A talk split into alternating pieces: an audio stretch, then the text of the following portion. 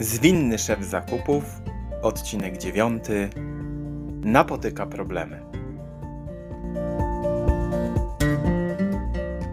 Dzień dobry, cześć, witajcie w moim podcaście Zwinny szef zakupów. A dzisiaj Zwinny szef zakupów napotka na problemy. No, oczywiście problemów w naszej pracy mamy mnóstwo, ale skupimy się na dwóch takich głównych obszarach. Najpierw e, o problemach takim w codziennym zarządzaniu, w realizacji celów, a potem e, problemy związane z zarządzaniem zespołem i budową tego zespołu. Zapraszam.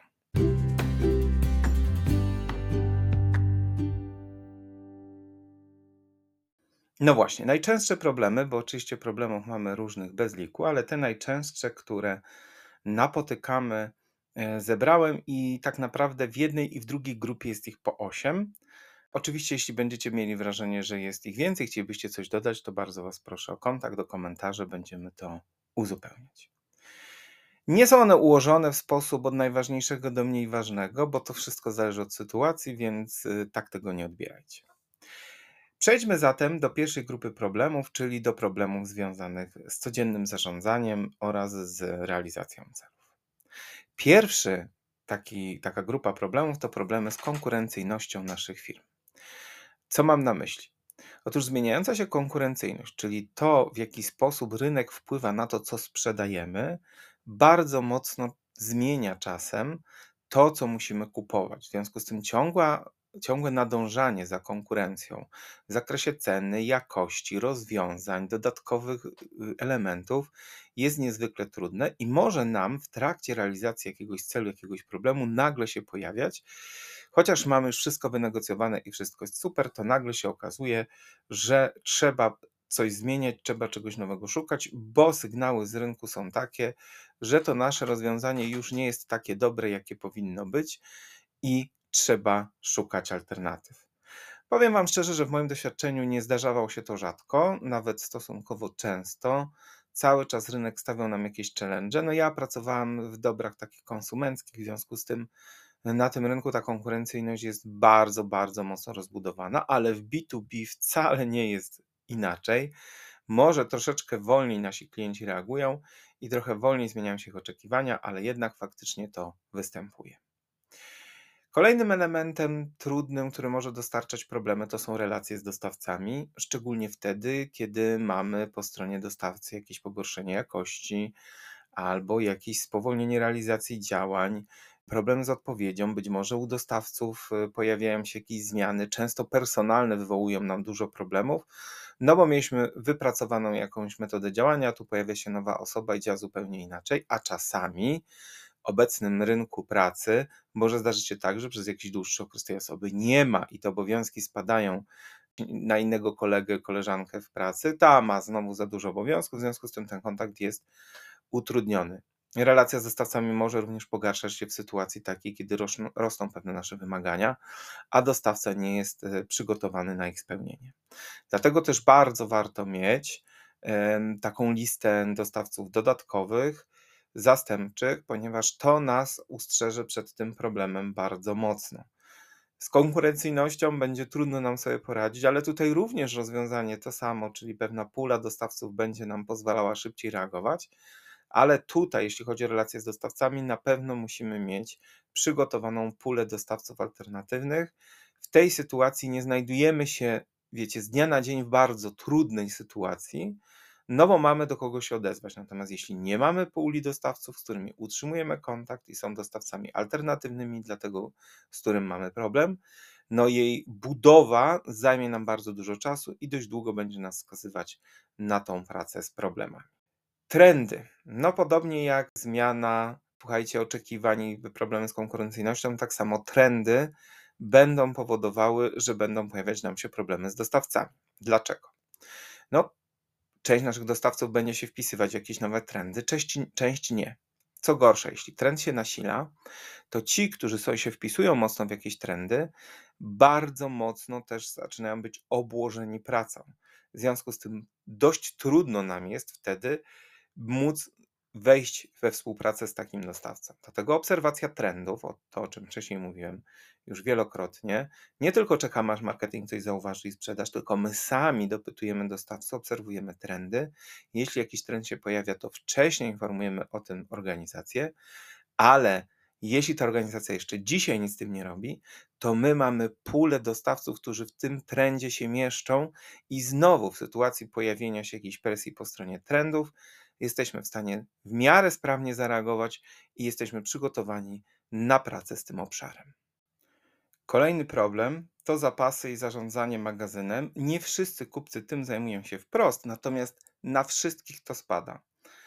O co chodzi? O to chodzi, że w przypadku, w którym dostawcy pomimo wszystko realizują pewne za duże zamówienia i nie mamy kultury zwracania, do tego za chwilę wrócę, lub w momencie, kiedy nam się coś stokuje na magazynie e, z różnych powodów, e, innych planów produkcyjnych albo innej sprzedaży, no trochę musimy e, się z tym stanem uporać. Ważne jest to, żeby mieć to pod kontrolą, żeby nie generować nowych zamówień, tylko próbować zluzować magazyn i doprowadzić do wyprzedaży znajdujących się tam produktów. Będziemy mieć dwa zjawiska.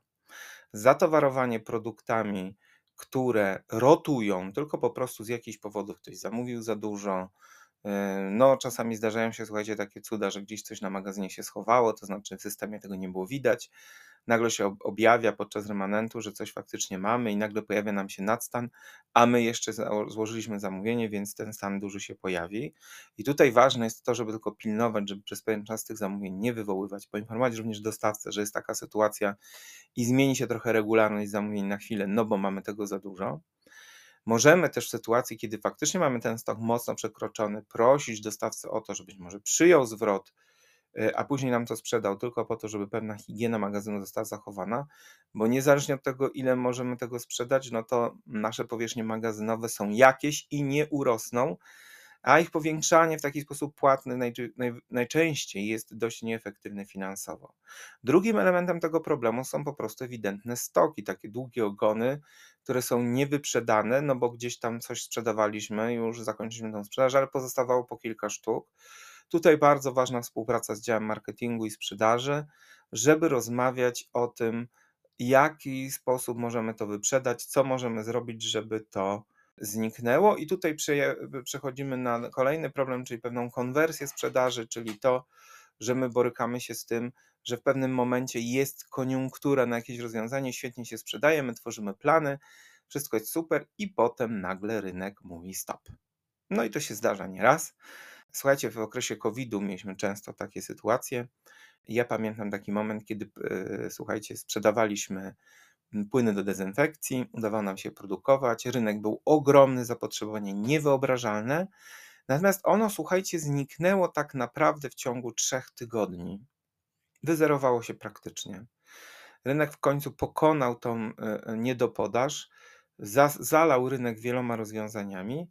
No i w ciągu trzech tygodni sytuacja, w której po prostu co tylko wyprodukowaliśmy, to było zamawiane, nagle się zastokowało. I teraz bardzo ważne jest to, żeby od razu tworzyć program łącznie z działem sprzedaży i jak tego się wyzbędziemy. Słuchajcie, ten długi ogon tych pojedynczych sztuk, no czasami są tysiące, to w zależności od skali biznesu, potrafi leżeć latami. Dlatego nie ma co uciekać, tylko trzeba od razu na to patrzeć i współpracować ze sprzedażą i zwalniać magazyn, zwalniać przestrzenie i zwalniać też środki, które są zamrożone w tych produktach i surowcach. No właśnie po to, żeby, żeby reagować na tą konwersję sprzedaży. No i kolejny problem, słuchajcie, taki dość y, powszechny, to jest kwestia naszych płatności, ewentualnych opóźnień w płatnościach, kiedy to nagle dostawcy informują nas, że coś się wydarzyło, coś jest niezapłacone. No, w większości firm tych zdrowych, no są to jakieś drobne problemy, związane niestety często z bardzo nieefektywnym systemem obiegu faktur i akceptacji. E, firmy często spóźniają się nie dlatego, że nie mają środków na koncie, właśnie najczęściej spóźniają się nie dlatego, że nie mają środków na koncie, tylko dlatego, że ich proces od momentu otrzymania faktury do momentu regulowania płatności jest bardzo wydłużony i stąd te spóźnienia. Chciałem powiedzieć, że jest to bardzo frustrujące ze strony dostawców, no bo jeśli umawiamy się na jakiś termin, to tak realizujemy nasze płatności. Natomiast no, może się to zdarzać. Ważne jest to, żeby to w zakupach te faktury nie leżały, bo nie wiem, różne są oczywiście systemy akceptacji. Czasami kupcy w nich uczestniczą, czasami nie, ale jeśli uczestniczą, to najpierw porządek na własnym podwórku. Oceniajmy to, w jaki sposób przebiega proces akceptacji faktur. Ewidentnie eliminujmy takie zachowania, gdzie faktura potrafi się w kuwecie przeleżeć naprawdę kilka tygodni i to doskonale wiecie, że ja tego nie wymyśliłem, tylko faktycznie taki problem istnieje. Jeśli już macie od razu elektroniczny system, obiegu faktur, no to ta faktura potrafi się przeleżeć nie w kuwecie, ale na właśnie na tym konkretnym etapie. No i gdzieś tam coś ma być wyjaśnione, ale nie jest wyjaśnione, faktura jest zawieszona i sobie wisi. Nie jest to już akceptowalne, będzie powodowało problemy z dostawcami. Zatrzymanie płatności w związku z jakimś e, problemem typu jakościowym, no to jest zupełnie inna para kaloszy, przy czym również przestrzegam, że tutaj pełna informacja i pełna komunikacja z dostawcą będzie powodowała, że nie będziemy sobie psuć y, naszych warunków. Przekleństwem, y, które wspominam ze współpracy z dużymi sieciami handlowymi, było to, że oni po prostu, jeśli była jakaś niezgodność, to tej faktury nie płacili, nic nie informowali.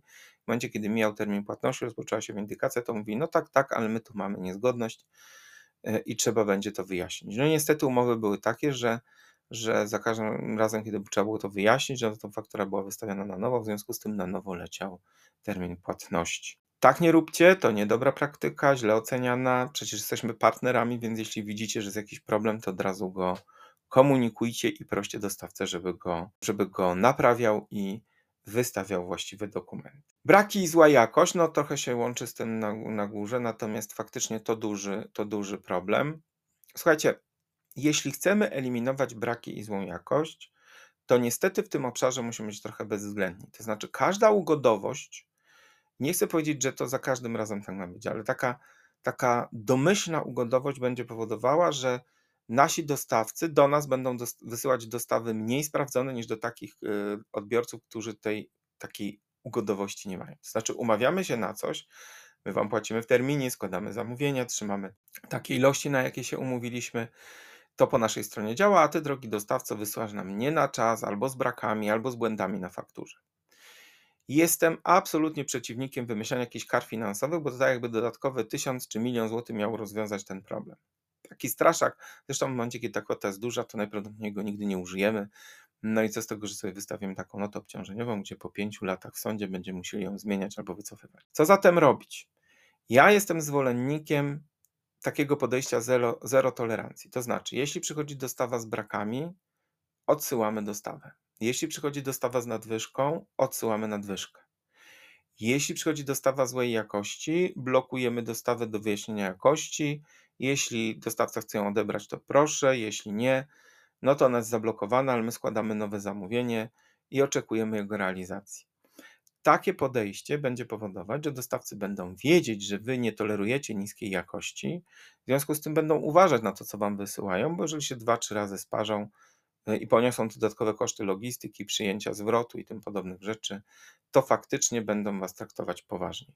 Trzeba nad tym pracować. Niestety w naszym kraju wysoka jakość nie jest takim naszym immanentnym podejściem. Jest coraz lepiej, nie chcę powiedzieć, że nie, ale musimy tego pilnować i tu warto się zachowywać dość bezwzględnie. No i teraz przechodzimy, słuchajcie, do tej grupy problemów związanych z naszym zespołem.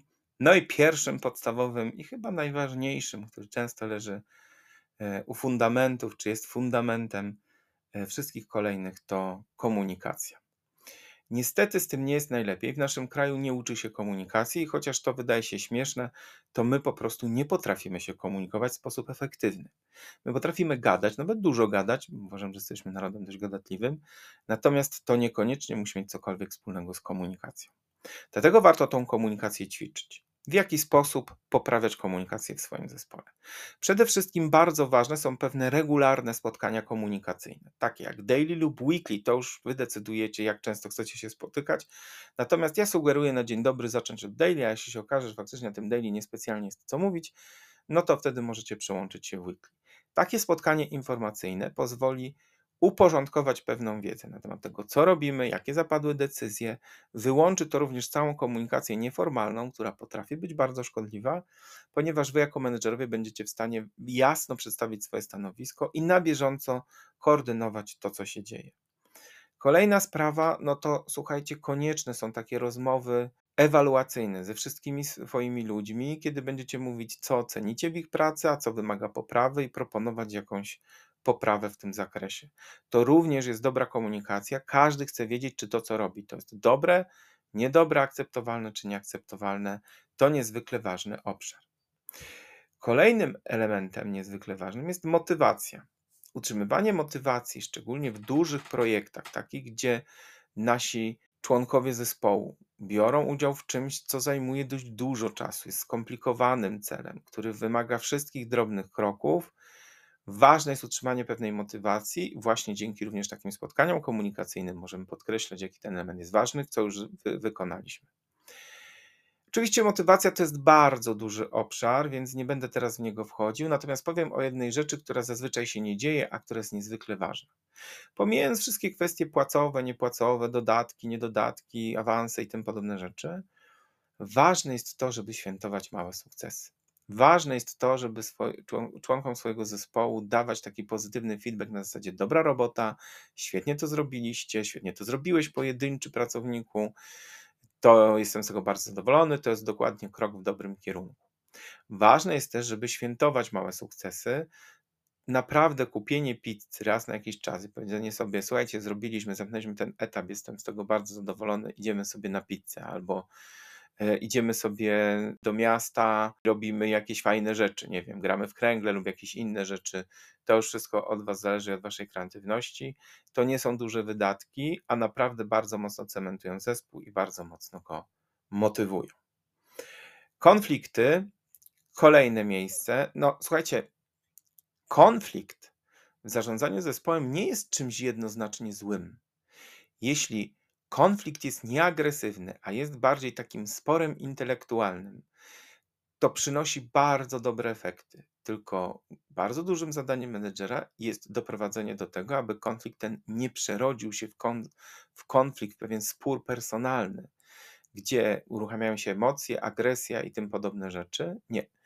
Utrzymujmy konflikt, to znaczy to, że możemy się na coś nie zgadzać, możemy coś krytykować, ale oczywiście tutaj, żeby nie rozbudzać właśnie konfliktów interpersonalnych, to krytykować w sposób konstruktywny, to znaczy ja to widzę inaczej, ja bym to zrobił inaczej, tu widzę takie ryzyka, zróbmy tak, to je wyeliminujemy.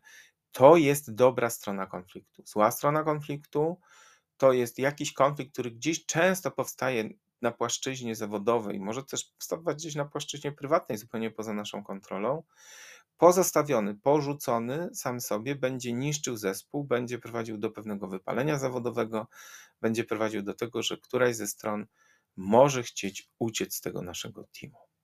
Kolejnym problemem, który możecie napotkać, to problem związany z rozwojem i szkoleniami. Hmm, można powiedzieć, jaki to problem? No super, jest rozwój szkolenia. No niestety często to jest ten problem, że członkowie naszego zespołu nie chcą się rozwijać i nie chcą się szkolić. No, tu oczywiście jest to mi bardzo bliskie i ja osobiście uważam, że wszyscy powinni się rozwijać i wszyscy się powinni szkolić i to kilka razy w roku. No, oczywiście to trochę taki żart y, y, i, i działania marketingowe. No ale tak. Świat idzie do przodu. Wszystko się zmienia. W związku z tym nasza wiedza pozyskana tu i teraz już za kilka miesięcy będzie nieaktualna. Co z tym robić? Słuchajcie, oczywiście są dwa rodzaje działań rozwojowych. Pierwsze najbardziej skuteczne to jest taki autorozwój. Osoby, które chcą się rozwijać, które same szukają wiedzy, kupują książki, czytają, słuchają podcastów, wideoblogerów oglądają, zapisują się na jakieś webinary i tym podobne rzeczy. To jest bardzo duża siła. Takie osoby powinny być przez nas promowane, pokazywane jako przykład, ponieważ autorozwój jest najsilniejszym z rozwojów. Oczywiście możemy wysłać ludzi na dowolną ilość szkoleń i to aż dziwne, że może ja to mówię, ale tak jest fakt. Możemy wysyłać na dowolną ilość szkoleń, natomiast jeśli oni mają nastawienie, że ja się czegoś na tym szkoleniu nauczę, że ja faktycznie widzę, że potrzebna jest jakaś zmiana, być może nowe podejście, może jakaś inspiracja, no to poza długopisem i notatnikiem, jeśli dana firma świadczy tą usługę, nie wyniosą z tego szkolenia nic. Co my jako menedżerowie możemy zrobić? Możemy budować potrzebę rozwoju, najważniejszy jest mój własny przykład. To znaczy, jeśli ja sam się rozwijam, jeśli ja mówię o nowych rzeczach, o książkach, które przeczytałem, e, o ciekawych artykułach, nawet je udostępniam zespołowi, pokazuję, że staram się być na bieżąco i buduję swoją kupiecką wiedzę. To jest pierwszy element, czyli, czyli pokazać przykład. Drugi, ewidentnie nagradzać tych, którzy sami chcą się rozwijać, wnoszą nową wiedzę, zdobywają ją i chcą się nią dzielić.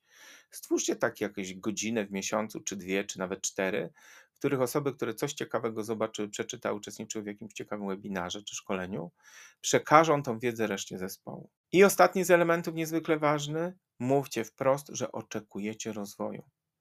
Że członek tego teamu może nim być tylko pod warunkiem, jeśli faktycznie sam się rozwija.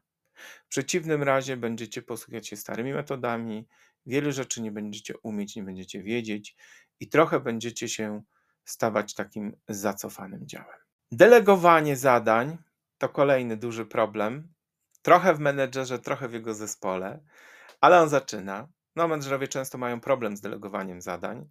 A on się bierze z tego, że mamy takie przekonanie, że my to zrobimy najlepiej, zanim my komuś coś opowiemy, to, to już to dawno zrobimy. Wszystko super, możecie mieć takie podejście, ale to oznacza, że nie jesteście menedżerami. Dobry menedżer potrafi tak ukształtować i zbudować zespół, że pomimo tego, że zawsze będzie napięcie. Słuchajcie, to jest tak, że ja ciągle mam takie napięcie, jak komuś coś deleguję na zasadzie, a, czy to będzie dobrze zrobione i muszę trochę z sobą walczyć, ale jeśli nie potraficie zrobić tego kroku, no to nie, może mieć, nie możecie mieć pod sobą zespołu, bo tak naprawdę dobry menedżer potrafi zdelegować wszystko, prawie wszystko. I członkowie jego zespołu powinni to dobrze zrobić. Skąd bierze się ten lęk? Mamy pewne swoje wyobrażenie produktu działania, czyli nie wiem, jakąś tabelę, która ma konkretne kolory, konkretną szerokość kolumn, konkretną estetykę i dostajemy ją inną i już trochę to jest takie nie dla nas. Musimy nabyć świadomość, że inni ludzie zrobią to inaczej. Ważny jest efekt finalny, produkt, czy on został dowieziony, czy nie dowieziony, czy są w nim pozytywne podejścia, być może inne spojrzenie, być może cenne inne spojrzenie się w nim pojawiło. Na to patrzmy. Udzielajmy feedbacku, mówmy, słuchaj, dla mnie to potrzebuję jeszcze takiej korekty, albo nie wiem, przygotujcie wzór tabeli, w której coś ma być włożone, żeby się nie skupiać na jej estetyce, ale też szukajcie pozytywów i przekonujcie się do tego, że ludzie naprawdę robią rzeczy dobrze i niejednokrotnie tego się nauczyłem, robią coś lepiej niż ja bym zrobił, ponieważ nie czynią pewnych w głowie założeń, które ja już mam poczynione. Dlatego delegowanie jest niezwykle ważne. Z drugiej strony, jako menedżerowie, jak nie będziecie delegować, to będziecie zawaleni pracą, nie będziecie mieć czasu dla swojego zespołu, a wasz zespół trochę będzie z drugiej strony czuł się niepotrzebny, no bo po co oni są, skoro menedżer wszystko robi najlepiej. Kolejna grupa problemów wynika ze zmian organizacyjnych. Wszystkich nas to dotknie, organizacje się zmieniają, więc nawet jeśli teraz nie mieliście z tym do czynienia, to najprawdopodobniej w przyszłości będziecie mieli. Jak podchodzić do zmian? Przede wszystkim musicie przyjąć do wiadomości to, że ludzie generalnie zmian nie lubią. Lubią tylko te zmiany, które wprowadzają sami. Oczywiście są osoby bardziej nastawione pozytywnie do zmian i mniej pozytywnie do zmian, ale każdy z nas wobec zmian ma pewien respekt, bo zmiana to pewien rodzaj niepewności. I tu klucz. Niech nic was nie kusi, żeby powstrzymywać się przed komunikacją zmian wasi ludzie, jeśli macie budować w nich zaufanie i macie autorytet budować, nie mogą o przyszłych zmianach dowiedzieć się z komunikacji nieformalnej lub z jakichś innych działów w przypadkowy sposób. Komunikujcie te zmiany, nawet jeśli wymaga to dużego wysiłku i być może te zmiany nie są takimi zmianami na dobre. Nie przejmujcie się też, bo ludzie na początku również zmian na dobre niespecjalnie akceptują, bo obawiają się zmian jako takich. Co zatem robić? Komunikować od razu, kiedy tylko to jest możliwe, w taki sposób. Po pierwsze, komunikując, jaka jest zmiana, po drugie, jak ta zmiana ma wpływ na nasz dział, i po trzecie, co ona oznacza dla każdego członka zespołu. To jest niezwykle ważne. Wtedy mamy pełną świadomość i wszyscy mają pełną informację na temat tego, jak ta zmiana będzie przebiegać. Potem, oczywiście, analizujemy, czy zmiana postępuje w taki sposób, jakbyśmy tego chcieli, monitorujemy to no i nagradzamy, uznajemy osoby, które zaczynają działać zgodnie z tą zmianą, no i korygujemy osoby, które usiłują te zmiany w różny sposób pacyfikować. Natomiast zmiana organizacyjna na, na, pewno powoduje pewne problemy w waszych działach, będzie powodować głównie takie akceptacyjne, ale być może to będzie taka zmiana, która będzie wymagała również jakiejś ważnej zmiany, poważnej zmiany w waszym dziale. W związku z tym komunikacja jest tu niezwykle ważne. Różnorodność, słuchajcie, mm, dzisiaj dość dużo się o tym mówi, tak trochę się mówi na takiej zasadzie ewangelicznej. Ja, ja tego nie lubię. Ja chciałbym porozmawiać z Wami o różnorodności biznesowej. Zmienia się świat, zmieniają się ludzie, a do naszych firm docierają ludzie młodsi z pokolenia Y coraz częściej, również z pokolenia Z. I to jest człowiek inny. Szczególnie w Polsce jest to człowiek inny, dlatego że to są pierwsze pokolenia wychowane bez tych komunistycznych kompleksów, które mieliśmy. Są też to pokolenia wychowane z pewną akceptacją siebie, pojawiają się w, naszej, w naszych firmach. Z drugiej strony, ze względu na demografię naszego państwa, zaczynają się w firmach również pojawiać obcokrajowcy. I my musimy jako menedżerowie z tym problemem sobie poradzić. Można powiedzieć, mmm, jaki to problem, bądźmy otwarci i tak dalej. No, problem jest właśnie z tą otwartością.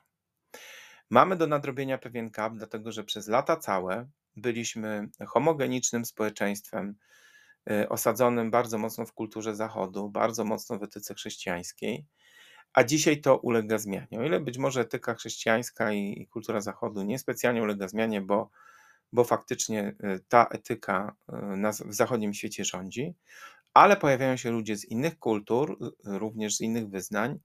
Pojawiają się ludzie, którzy chcą być akceptowani tacy, jacy są, czyli chcą pracować w firmach inkluzywnych, która nikogo nie stygmatyzuje, nikogo nie, nie obraża, wszystkich akceptuje pod warunkiem, że robią swoje w biznesie, bo uwaga, mm, uwaga przed akceptacją wszystkich, którzy nie robią swojego. To znaczy, osoba, która E, jest na przykład niebinarna i robi swoje, to jest dobry pracownik, a osoba, która jest niebinarna i nie robi swojego, to jest zły pracownik, żebyśmy tu nie popadali w takie pułapki, że oj, boimy się, bo to jakiś rodzaj mniejszości, to mamy z tym problem. Sam e, przez to przechodziłem i miałem duży problem z tym, musiałem przepracowywać, żeby zwolnić pracownika, który był w pewnej mniejszości E, no bo się bałem, że będę oskarżony, że to jest powód. No ale to było bezsensowna obawa, bo ten człowiek naprawdę kilka lat pracował i sukcesy odnosił.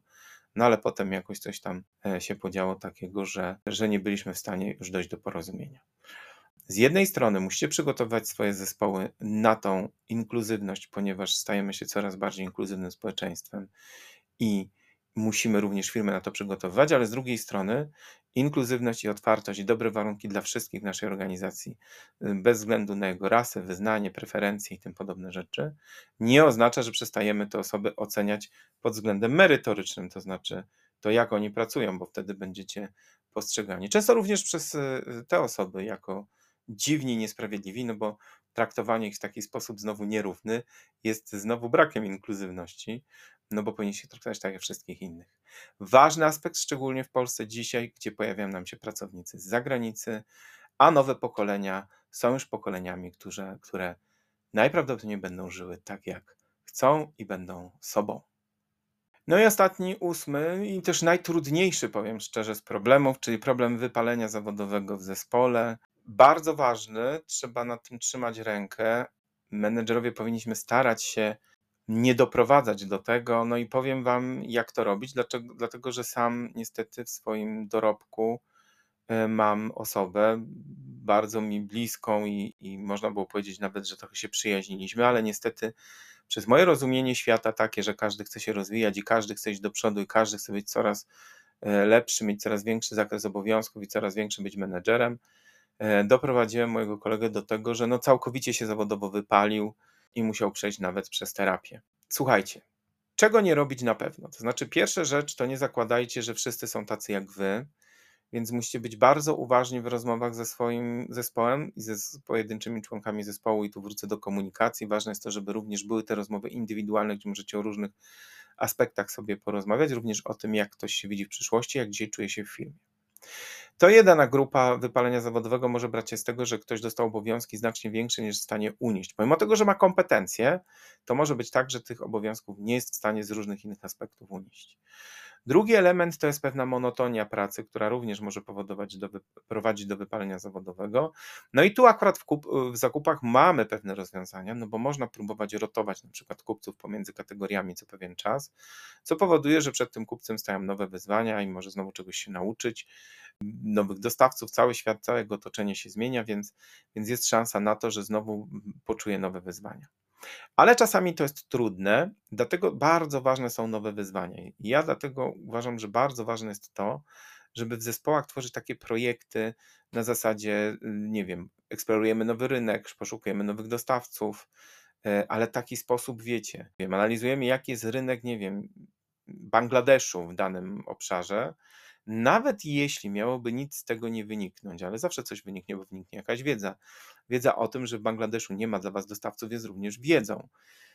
To powoduje, że mam jakieś ponadstandardowe zadania, takie, których mogę się uczyć, rozwijać, coś ciekawego zobaczyć i coś w tym moim życiu się zmienia. Kolejny element, na który również macie wpływ, to to, ile ktoś poświęca czasu pracy. Oczywiście są osoby, które trochę źle rozumieją work-life balance i usiłują o godzinie 15 tą pracę zakończyć i wyjść i tak ją rozumieją. To, to nie o to chodzi. Ale są takie osoby, które znowu pracują bardzo dużo. Pracują w domu, w nocy, nad ranem. Tu powodów może być dwa. Pierwszy to po prostu przeładowaliście kogoś obowiązkami i tu przestrzegam.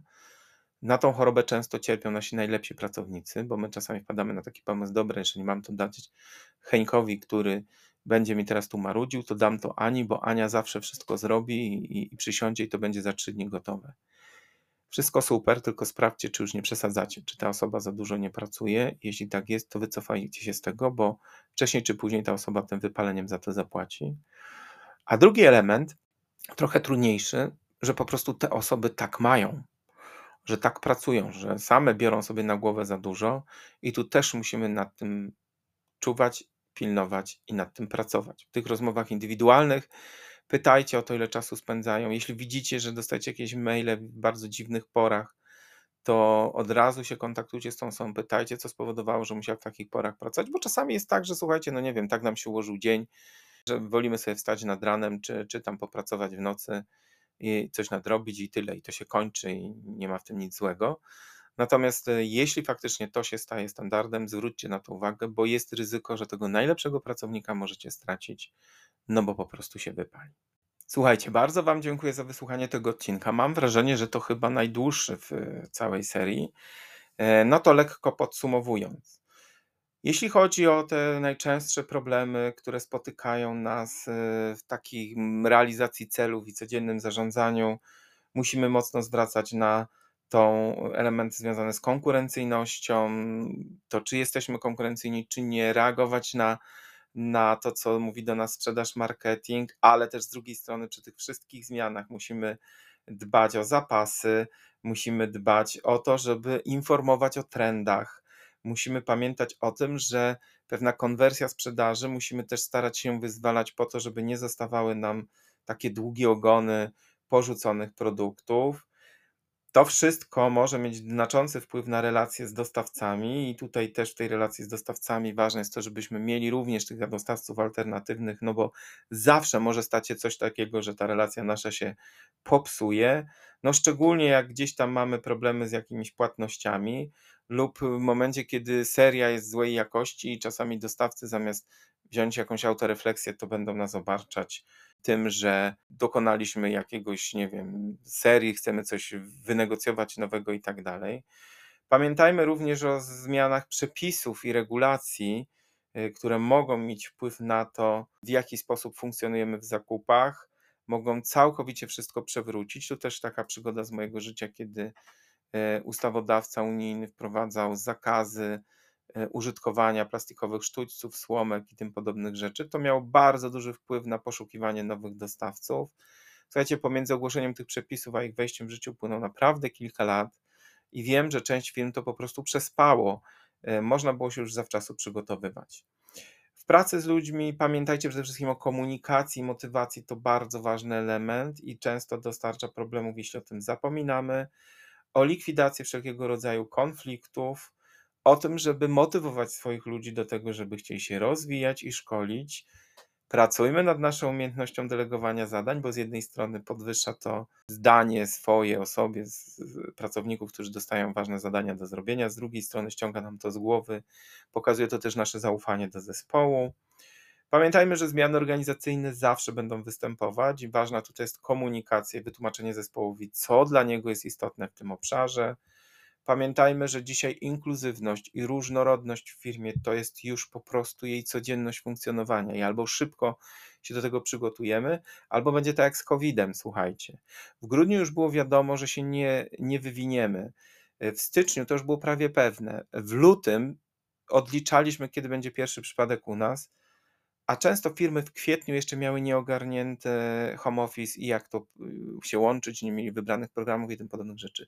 Pewne rzeczy należy robić z wyprzedzeniem. Wtedy będziemy liderami i szybko przejdziemy przez tą zmianę. No i wypalenie zawodowe to problem wszystkich menedżerów, również wasz. Pamiętajcie o tym, żeby być bardzo wyczulonym na to i obserwować swoich ludzi i otwarcie z nimi o tym rozmawiać. Dziękuję Wam za wysłuchanie tego odcinka. Bardzo Was proszę o komentarze w momencie, kiedy je macie, pytania, będę na nie odpowiadał tutaj, jak tylko pojawi się taka możliwość. Jeśli interesują Was moje treści, przypominam, że na stronie gbbc.pl możecie zapisać się do newslettera i być raz w miesiącu na bieżąco informowani o tym, jakie te treści nowe się pojawiły. Ten newsletter służy tylko do tego. Nie chcemy, żebyście coś kupowali w związku z tym. A jeżeli już mówimy o kupowaniu, to przypominam o negocjacjach nielinearnych, najnowocześniejszym moim zdaniem programie negocjacyjnym w Polsce. Już w listopadzie kolejna edycja otwarta. Zapraszam. Dbajcie o swoje biznesy. Cześć.